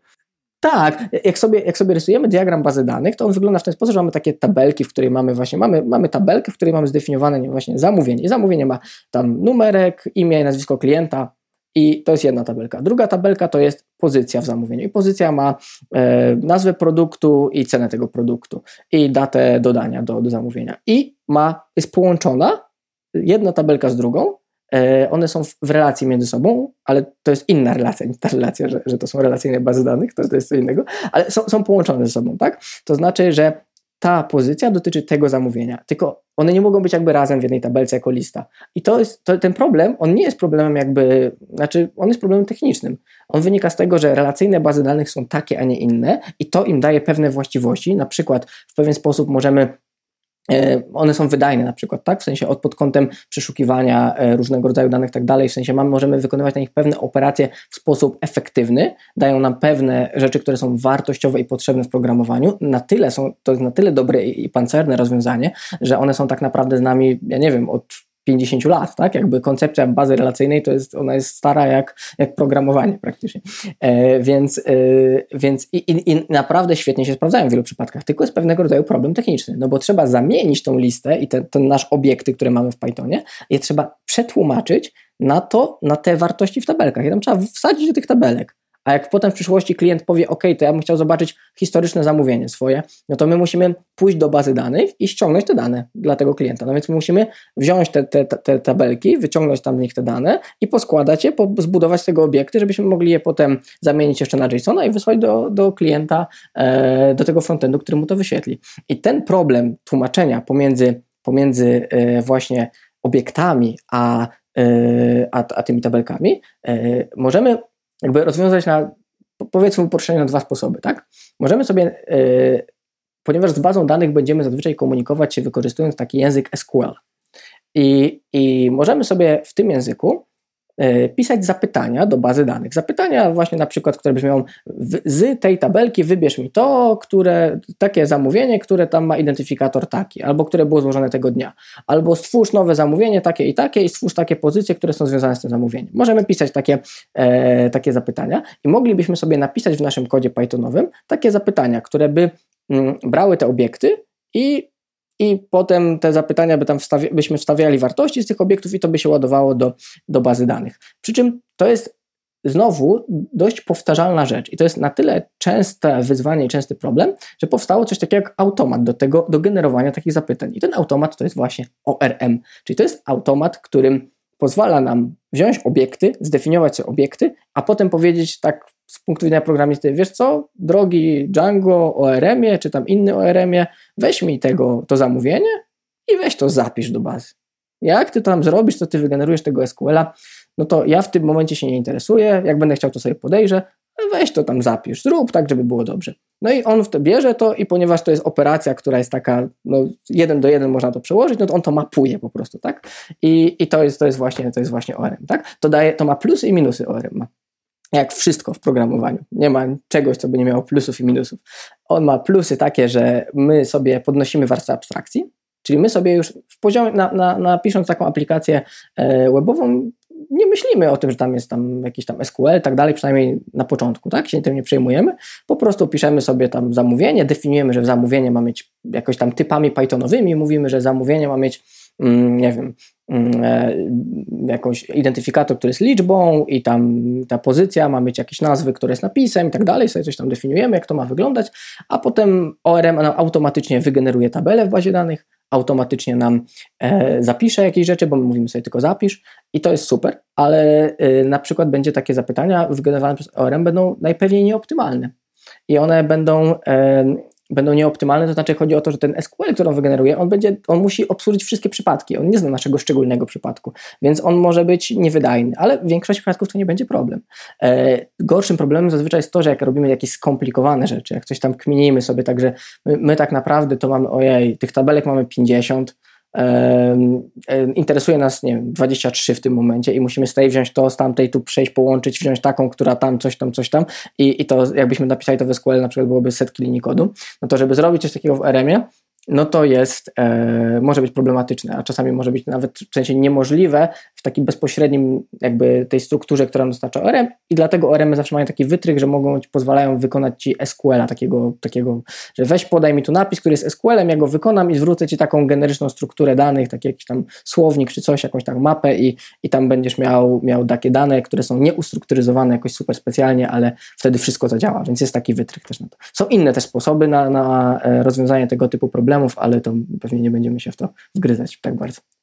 Omawiamy cały czas przekazywanie danych, omawiamy w jaki sposób ten, ten Python potrafi wziąć z jednej strony dane, wrzucić na, na, na drugą stronę dane i e, w jaki sposób się te, te, te dane łączy. I kolejnym naszym dziwnym um, skrótem, znowu pisanym z dużej litery, który na pewno łączy się z przekazywaniem danych, jest REST. Co, co, to, po, co to jest po naszemu, panie kochany? REST też jest związany z webem.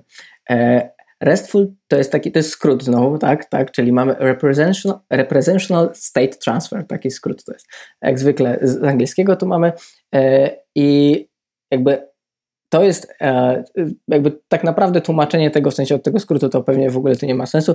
E, spróbujmy prostu wyjaśnić, z czym to się je i o co tu w ogóle chodzi. To jest e, REST to jest pewnego rodzaju podejście. To się nazywa tak bardziej powiedzmy fachowo styl architektoniczny. E, I styl architektoniczny to znaczy, że to jest pewnego rodzaju podejście do sposób tworzenia aplikacji, sposób budowania aplikacji. I ten sposób zakłada, po pierwsze zakłada to, że używamy tego nowego stylu budowania aplikacji, czyli że wystawiamy e, te endpointy, to się nazywa endpointy, tak? czyli, czyli te funkcje nasze webowe do, e, z danymi, z pobieraniem danych i z wysyłaniem danych, a nie robimy server-side rendering z jakimś tam kodem HTML-owym po stronie serwera, więc on to zakłada po pierwsze. Po drugie wprowadza takie pojęcie jak pojęcie zasobu i e, zasób to jest e, zasób to jest, to jest e, zależy od nas, od naszej aplikacji, co to będzie ten zasób, tak? W sensie zasobem może być na przykład nasze zamówienie, to może być zasób. Mamy e, taki zasób, o który klient może zapytać, może go pobrać, powiedzieć: e, Drogi, e, drogi serwerze, proszę daj mi ten zasób. Bo tak naprawdę y, większość zdecydowana aplikacji i na pewno Instagram też będą mówić, że mają restowe API. W sensie, bo REST jest w ogóle ideą jeszcze, tak? To, to tak weźmy sobie, że to jest idea pewnego rodzaju. Idea, koncepcja, styl, taki pomysł na styl.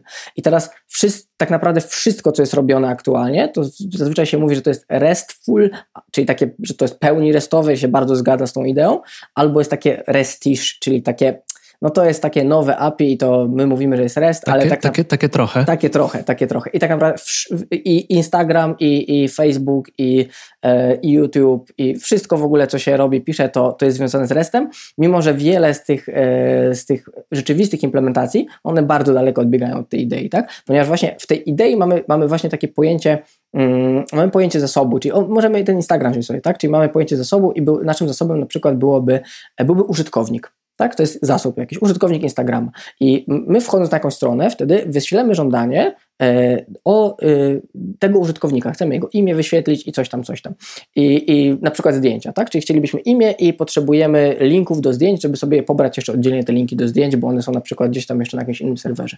Więc wyślemy żądanie, drogi serwerze, proszę daj mi ten zasób. I my dostaniemy ten zasób. Potem będziemy chcieli dodać nowe konto. No to wyślemy żądanie sobie, drogi serwerze, stwórz mi nowy nowy zasób typu użytkownik. bo ja tworzę nowe konto, czyli tak naprawdę tworzę nowy zasób typu użytkownik, tak? I i ta koncepcja zasobów i rozmawiania o zasobach to jest jakby jeden z fundamentów RESTA. Kolejny y, z fundamentów, jakby koncepcja, która jest jakby wykorzystywana rzeczywiście, bo, bo, to z tymi zasobami, jak to działa w praktyce, to jest różnie, ale to, co w praktyce często działa i często jest wykorzystywane, to jest fakt, że REST nam mówi, że skoro my pobieramy sobie dane, my robimy różne akcje, tak? Czyli pobieramy dane, wysyłamy, coś tam tworzymy nowego, aktualizujemy, a protokół HTTP, który wykorzystywany jest do komunikacji pomiędzy frontendem a backendem w sieci, on definiuje różnego rodzaju metody HTTP, czyli na ten sam adres możemy wysłać różne, różne typy żądań i to, to wykorzystajmy te typy żądań do tego, żeby wyrazić, co my chcemy zrobić. Więc jak wyślemy żądanie typu get na adres Instagram slash users znak zapytania e, tam name równa się Mikołaj, to chcemy pobrać użytkownika Mikołaj. A jak wyślemy żądanie typu na przykład patch na ten sam adres i jeszcze wyślemy w tak zwanym ciele żądania, oprócz tego, że ten adres będzie, to jeszcze doślemy dane i tam będzie, e, nie wiem, age, tam, nie wiem, 50, e, no to chcemy ustawić wiek temu Mikołajowi na 50, chcemy go zaktualizować, tak? bo do tego służy ta metoda HTTP zgodnie z jej przeznaczeniem, z definicją. I to ta część jakby resta jest jakby najczęściej wykorzystywana w praktyce, w sensie, że staramy się korzystać z tych, e, do zmieniania tych zasobów, staramy się korzystać z, z, tych, e, z tych metod. Oprócz tego jakby wreszcie będziemy mieli jeszcze podejścia do wyszukiwania tych zasobów, tak? czyli do tego, w jaki sposób się, na przykład właśnie tak jak ja mówiłem, że tam możemy się znak zapytania wysłać jakiś parametr, jeżeli my chcemy użytkownika, który nazywa się jakoś tam, tak? czyli mamy jakiś, jakiś sposób wyszukiwania tego, e, tego użytkownika, definiujemy, co my tak naprawdę chcemy, definiujemy, jakie chcemy dane przekazać e, i tak dalej, i tak dalej. I dzięki temu, że to jest pewnego rodzaju standard, idea, tak, to jest jakby ona jest opisana i tak ta koncepcja jest sobie, to mm, oprócz tego, że jeżeli ją stosujemy, to mamy jakieś zyski, straty wynikające z samej idei, to jako, że to jest bardzo powszechne, to różnego rodzaju frameworki mają zintegrowane, można je zintegrować z różnymi narzędziami, które, e, które automatyzują nam pracę w tym podejściu. Więc na przykład, jak będziemy mieli sobie Django, to będziemy mieli coś takiego jak DRF, czyli Django REST Framework. I, jak weźmiemy, i, I, to jest w ogóle setup taki, jeżeli ja bym miał mówić, jak, jak, masz, dzisiaj robimy aplikację Django i chcesz zrobić aplikację Django nie w tym stylu, gdzie masz formularze, definiował sobie i tak dalej, i tak dalej, e, w tym takim starym stylu e, tworzenia aplikacji webowych, tylko chcesz mieć API, chcesz mieć RESTA, no to bierzesz Django i do Django dokładasz Django REST Framework i I to jest podejście Djangowe do tworzenia restowego API, czyli tego interfejsu. I ponieważ to jest właśnie standard, to, mm, to w praktyce to wygląda w ten sposób, że my definiujemy sobie te zasoby nasze i Django nam mówi, że wiesz co, te zasoby, to ty definiujesz, to najlepiej, najfajniej będzie, jak one będą w ogóle tabelkami jeden do jeden do bazy danych, nie? Zdefiniuj sobie te zasoby jako tabelki w bazie danych, używając właśnie Djangowego ORM-a, zdefiniuję tam sobie i napisz tam jeszcze parę linii kodu, które powiedzą w jaki sposób ty chcesz tam to, jak się ma nazywać ten endpoint, takie podstawowe dane zdefiniuj, a ja ci automagicznie wygeneruję wszystkie te endpointy. Czyli coś, co byś musiał powiedzmy bez tego DRF-a napisać tam, nie wiem, 500 linii kodu, to napiszesz 15 i będzie. I to jest bardzo fajne. Znowu, jeżeli idziemy takim, mamy taki problem, który jest taki, bardzo dobrze pasuje do tego takiego prostego podejścia restowego, w sensie, że rzeczywiście, w sensie, że tam nie ma logiki, że ten rest to się nas prowadza do takich zwanych crudów, czyli e, takich operacji typu create, read, update, delete, czyli my chcemy ten zasób utworzyć, chcemy go odczytać, chcemy go zaktualizować, ale, ale jak my go tworzymy, to tam nie ma jakichś złożonych reguł biznesowych, po prostu tworzymy tego użytkownika. Tam może sprawdzimy, czy się imię jego nie powtarza, czy tam jakiś username, ale to nie jest tak, że on tam tam dostanie trzy maile aktywacyjne, że będzie w fazie tworzenia, że musi mieć jakieś konto płatne, darmowe. Taki, to jest taki prosty przypadek. To nam się to bardzo łatwo, ładnie sprawdzi. Jeżeli będziemy już iść w bardziej jakieś złożone aplikacje, mieli jakąś większą logikę, no to w tym DRF-ie będziemy musieli trochę kombinować i go sobie tak kustomizować, tak? czyli go dostosowywać sobie do, e, do naszych potrzeb i coraz mniej korzystać z tych generycznych rozwiązań, e, a coraz więcej po prostu korzystać z samego takiego e, ogólnego interfejsu tego, tego Django REST Frameworka do definiowania naszych własnych implementacji tych akcji, które tam się mają dziać z tymi naszymi zasobami. Tak? Więc odpowiednik tego DRF-a jest oczywiście w, we Flasku, tam jest coś takiego jak RESTful, więc we Flasku też można taką bibliotekę sobie zainstalować ale i, i, to jest jakby podejście takie do tworzenia nowoczesnych aplikacji webowych z, z Django. To jest wszystko diabelnie pasjonujące po prostu. To, to Ja się jaram, widzę, że ty się jarasz. To takie, takie rozmowy, takie rozmowy na, na, najbardziej, mi, najbardziej mi wychodzą. Mamy jeszcze kilka słówek dziwnych. Akurat ta, to następne mi się będzie kojarzyło z Amsterdamem. Jak byłem dzieciakiem, byłem wielkim fanem tego, e, tego zespołu. No, mówimy o Ajaxie. Tak jest. Tak naprawdę Ajax, jak tak, to się wymawia? Ajax, Ajax, to jak, jak, jak kto lubi pewnie. E, to jest tak. Znaczy, no dobrze, no to Ajaxy. Ajaxy, tak jest. To jest Ajax, czyli znowu mamy, jak mamy Ajaxa, to mamy skrót, to jest Asynchronous JavaScript and XML, czyli e, po na nasze asynchroniczny JavaScript i XML. I jakby o co tu chodzi i czemu JavaScript jest ważny w kontekście web developmentu z E, o, super Kuba.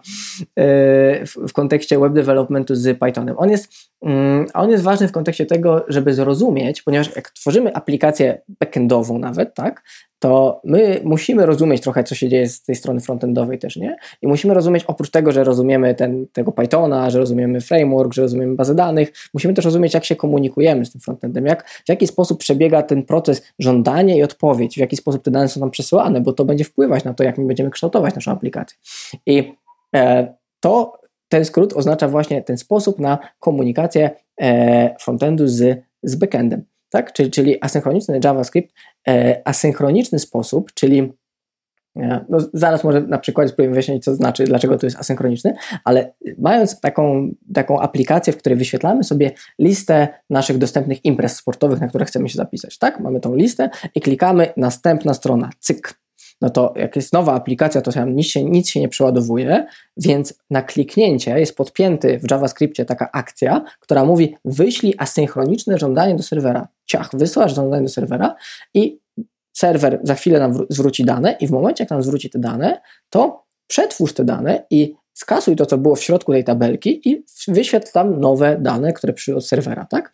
Więc to jest e, oczywiście jakby, mm, jakby ten, to, to jest duże uproszczenie i samo to jakby sam Ajax jakby on jest wbudowany w JavaScript, ale jest również możliwość użycia, jest, on jest jakby owrapowany różnymi klientami, które możemy stosować, które nam dają różne e, fajne funkcjonalności, również do tego jak to żądanie będziemy się pod nie podpinać, co będziemy robić z wynikami, jak będziemy obsługiwać błędy itd., tak itd., tak ale koncepcja jest cały czas taka sama i to jest podstawa e, jakby tworzenia tych nowoczesnych aplikacji webowych, to jest asynchroniczna komunikacja pomiędzy frontendem i backendem, e, w której frontend wysyła jakieś żądania, zmiany stanu albo pobrania danych na backend i jak dostaje odpowiedź, to coś z tym robi.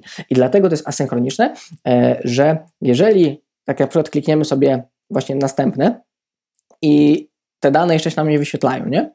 to zazwyczaj jest tak, że mm, jak aplikacja jest dobrze napisana, to tam się tam się nic nie zacina w tym momencie, tak? My na przykład możemy, nie wiem, wysunąć jakieś menu, zanim te dane się nam pobiorą, tak dalej. To nie jest tak, że wszystko wisi właśnie, tak? Bo, bo to żądanie poszło asynchronicznie e, i to już jest kwestia i funkcjonalność tego, tego JavaScriptu, jak on działa tutaj, tak? E, ale, ale chodzi o to, że, że y, nie blokuje nam to przetwarzania strony i możemy dużo takich żądań wysyłać, więc możemy kliknąć następna strona, w tym czasie pisać posta, wysłać posta, stworzyć i tak dalej i serwer będzie sobie te żądania przetwarzał i będzie je do nas przesyłał. Jeżeli w ogóle taki, e, jak otworzycie sobie stronę internetową, internetową jakąś i włączycie sobie narzędzia deweloperskie, tam jest taki e, kliknie się prawym, to e, zbadaj element i tam jest taka zakładka sieć albo network, coś takiego, to tam zobaczycie ile żądań leci do serwera i możecie sobie kliknąć XHR i to jest e, właśnie żądania te asynchroniczne, które są wysyłane z kodu javascriptowego do serwera, zazwyczaj podane. I możecie kliknąć, zobaczyć, jak, jak, jak klikniecie w takie żądanie, zobaczycie, jaki tam jest adres URL, jakie dane są wysyłane, co tam nam serwer odpowiedział, jakie te JSONy latają, wszystko i tak dalej. E, I to jest jakby clue i, i, i idea działania aplikacji webowych. Jest jeszcze, oprócz, oprócz tej komunikacji asynchronicznej za pomocą tego Ajaxu, mamy jeszcze mm, coś takiego jak WebSockety i to jest inny sposób też na, na komunikację asynchroniczną.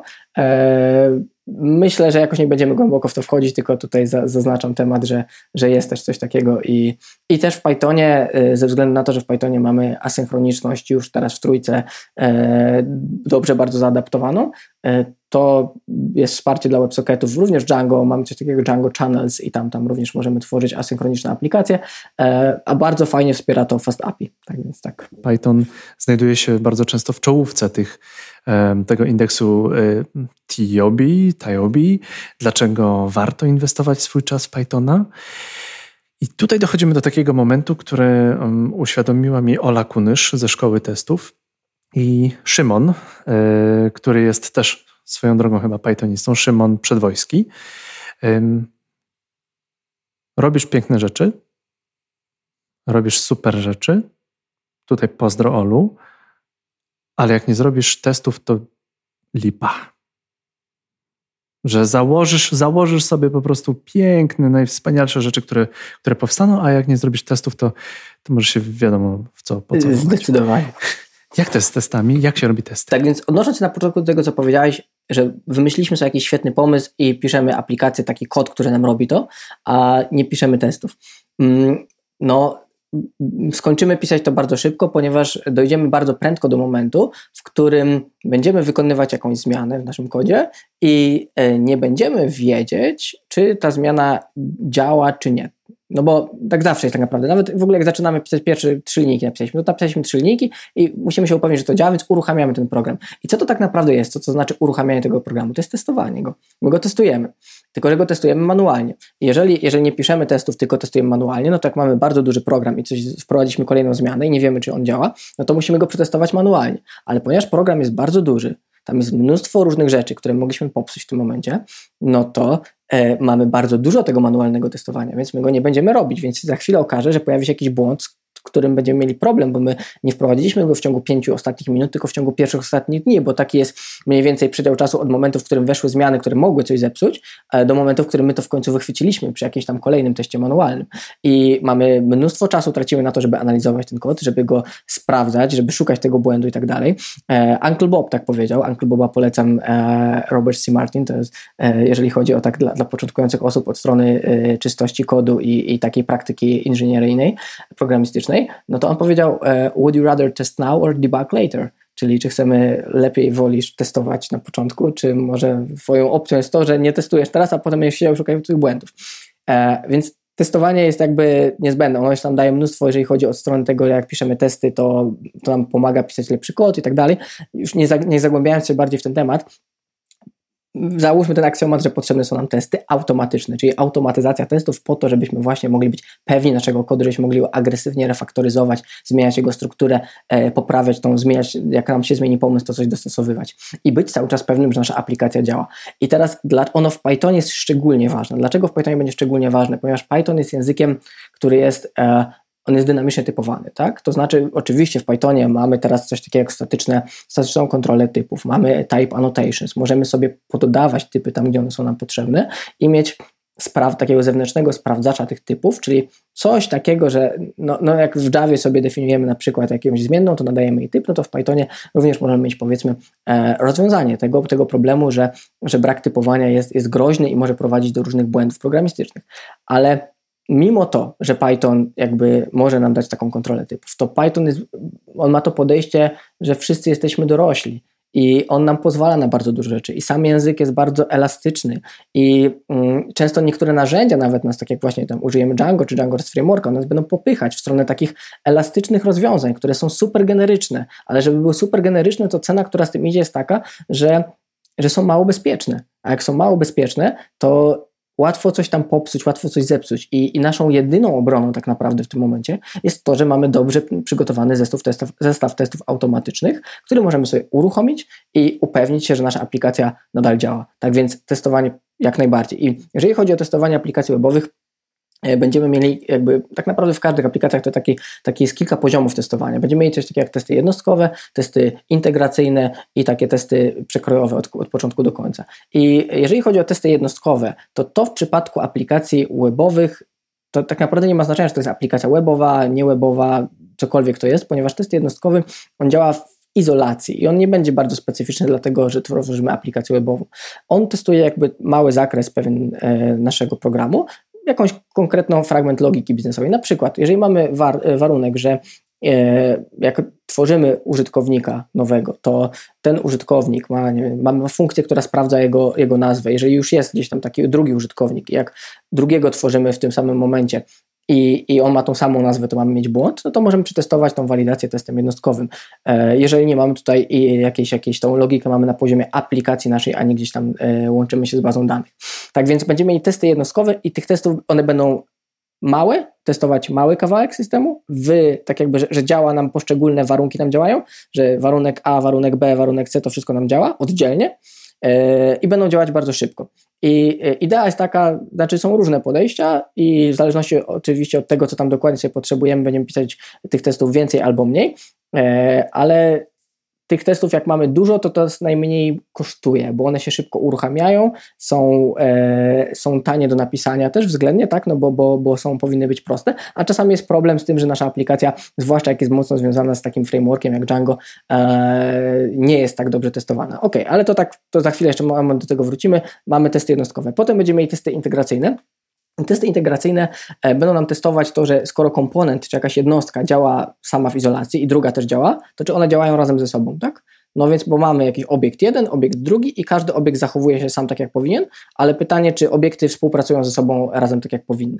I, i to jest jakby kolejny poziom testów i testy takie e, end-to-end, czy testy akceptacyjne, też to, to jest różnie nazywane, w sensie mm, nomenklatur to jest bardzo dużo, ale takie powiedzmy przekrojowe testy najwyższego poziomu to będą testy, które będą albo na poziomie naszego API, czy jak testujemy tylko backend, że nasze API robi to, co powinno, czyli wysyłamy żądanie utworzenia nowego użytkownika i sprawdzamy, że użytkownik się utworzył nowy i sprawdzamy to, czyli jakby na początku sprawdzamy i na końcu. Dostaliśmy poprawną odpowiedź i, i nie, nie, nie, testujemy wszystkich war, wariantów tej przetworzenia tej ścieżki, co tam się wydarzyło w środku w tym naszym programie, tylko kilka wariantów testujemy, no bo, bo to jest bardzo długi test, on, on musi, e, musi stworzyć sobie e, takiego, takiego sztucznego klienta, musi sobie stworzyć, e, musisz przetworzyć to całe żądanie nasze, musi się często połączyć z bazą danych też, więc on jest wolny. Jak go uruchamiamy, to będzie działał wolno. Jak mamy jeden test, no to nie będzie problem dla nas, tak? Ale jak będziemy mieli 10 tysięcy testów, 20 tysięcy testów i mamy na ich wykonanie, wszystkie byłyby tego typu i na ich wykonanie mamy czekać nie wiem, y, półtorej godziny, no to jak często będziemy włączać taki zestaw testów, tak? No może raz na tydzień, nie?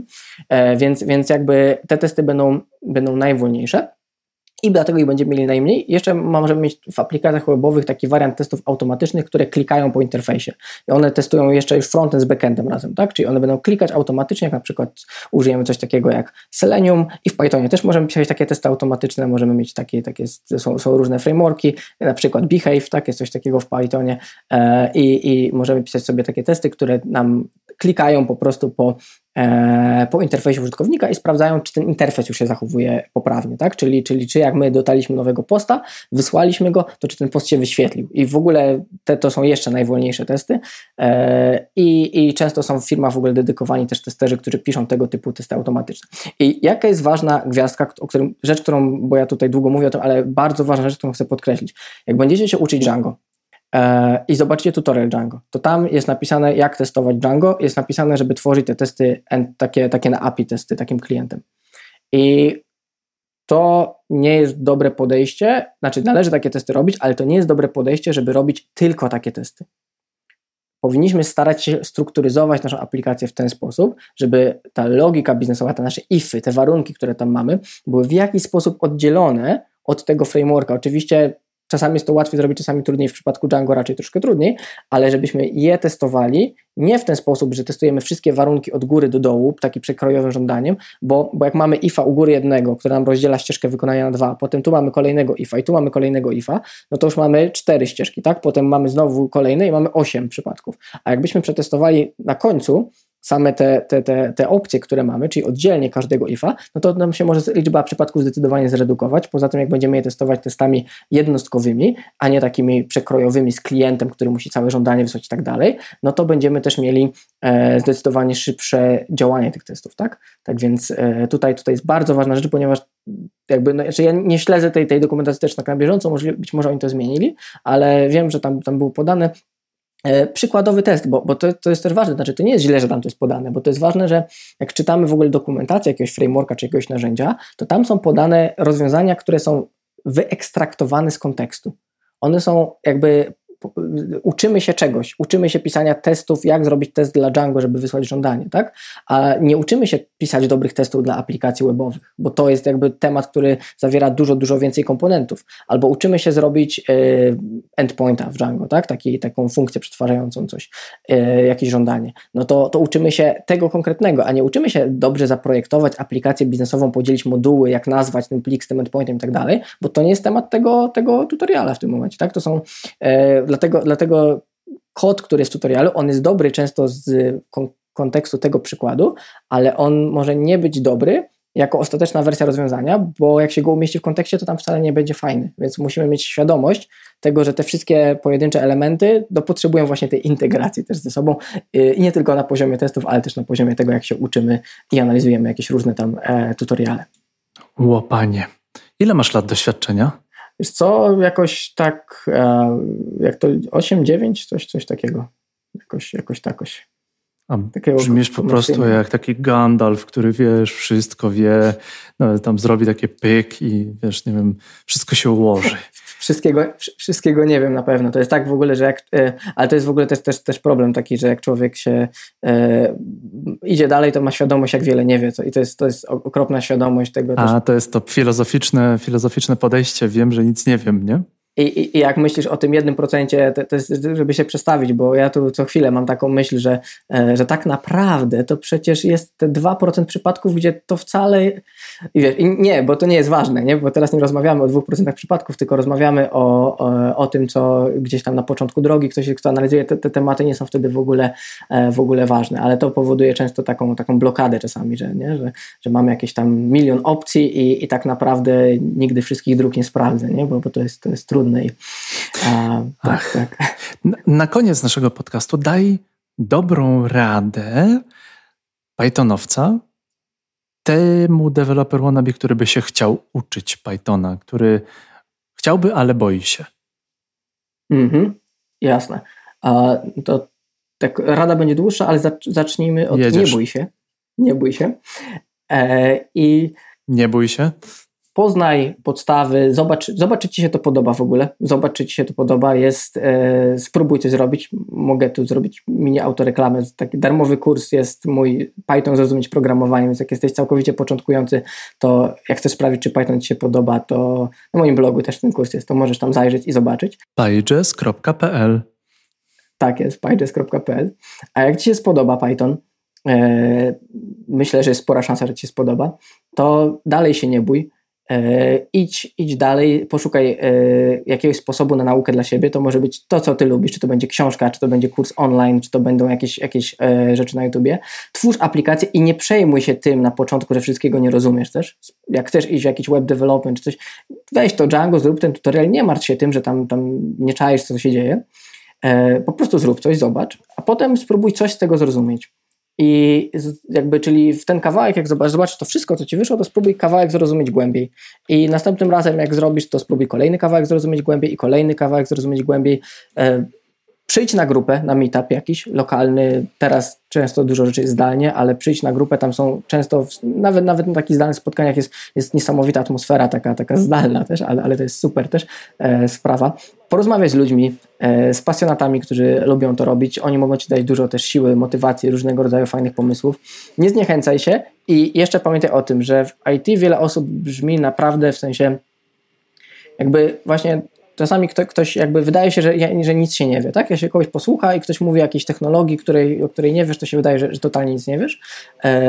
Ale to, to nie jest tak, że ta osoba często, no tak jak, tak jak yy, często się patrzy, ile lat ma doświadczenia senior i tak dalej, to nie jest tak, że ta osoba wie wszystko. To jest tak, że po prostu tam jest kilka takich słów, które, yy, które ktoś przeczytał, ktoś doczytał jakiś artykuł, ktoś coś wszedł głębiej i to przeanalizował. Może ktoś ma rzeczywiście bardzo jakieś fajne doświadczenie, ale to nie jest tak, że, że ty jesteś beznadziejny przy takiej osobie. Ty jesteś na początku swojej drogi, masz mnóstwo świeżych, fajnych pomysłów i naprawdę w ogóle moja perspektywa osobista jest taka, że zachęcam do tego, że jeżeli ktoś myśli o tym, żeby, że chce gdzieś tam programować i tak dalej, nie wiem czy komercyjnie, czy niekomercyjnie, żeby się tego uczyć, bo to jest fajne, ciekawe, a, a jak komercyjne to też bardzo fajnie, bo, bo moje doświadczenie mówi tyle, że, że takie osoby, które wchodzą do branży gdzieś tam, to mają niesamowite właśnie, zupełnie inne spojrzenie niż, niż tacy czasami zasiedzeni deweloperzy, więc, nie bój się, tak?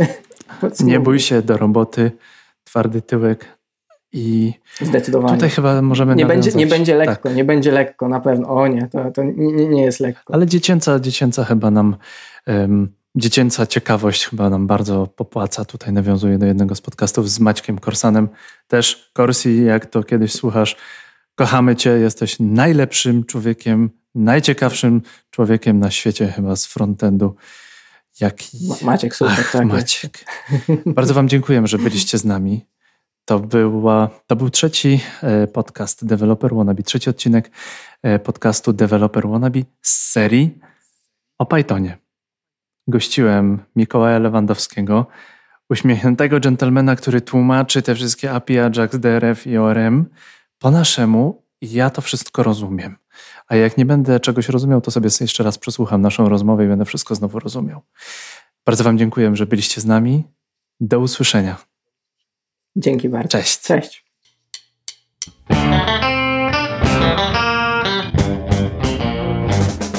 No i jak Ci się podobało? Z mojej strony ja mogę powiedzieć, że wyszedłem z tej rozmowy i wszystko rozumiałem. Mikołaj ma dar tłumaczenia, dar przekonywania. On jak wykłada, to ja po prostu wszystko rozumiem. Dlatego zaprosiłem go do podcastu, tak naprawdę z waszego wyboru. Jakiś czas temu stwierdziłem, że chcę zrobić serię o Pythonie i Mikołaj był jednym z pierwszych wyborów. A kiedy pojawił się w poście na Facebooku, dostał kilkanaście lajków. Na pewno było warto. Tutaj prośba do Ciebie. Jeśli ten podcast w jakikolwiek sposób Ci pomógł, opowiedz o nim swoim znajomym. Podaj go dalej na Facebooku, udostępnij na LinkedInie, Twitterze. Być może w Twoim otoczeniu jest osoba, która w jakiś sposób może skorzystać z tego podcastu. Wystarczy, że skopiujesz link ze Spotify, Apple Podcast, jakiejkolwiek aplikacji i po prostu prześlesz go tej osobie. Będzie mi bardzo miło, jeżeli wejdziesz na iTunes i zostawisz naszemu podcastowi 5 gwiazdek. To był kolejny odcinek podcastu Developer Wannabe. Bardzo dziękuję, że byłeś z nami. Kończymy na razie serię o Pythonie. No chyba, że chcesz więcej. Wtedy bardzo Cię proszę, daj mi znać. A najlepiej zaproponuj osobę, z którą mogę porozmawiać o tym wspaniałym języku. Do usłyszenia.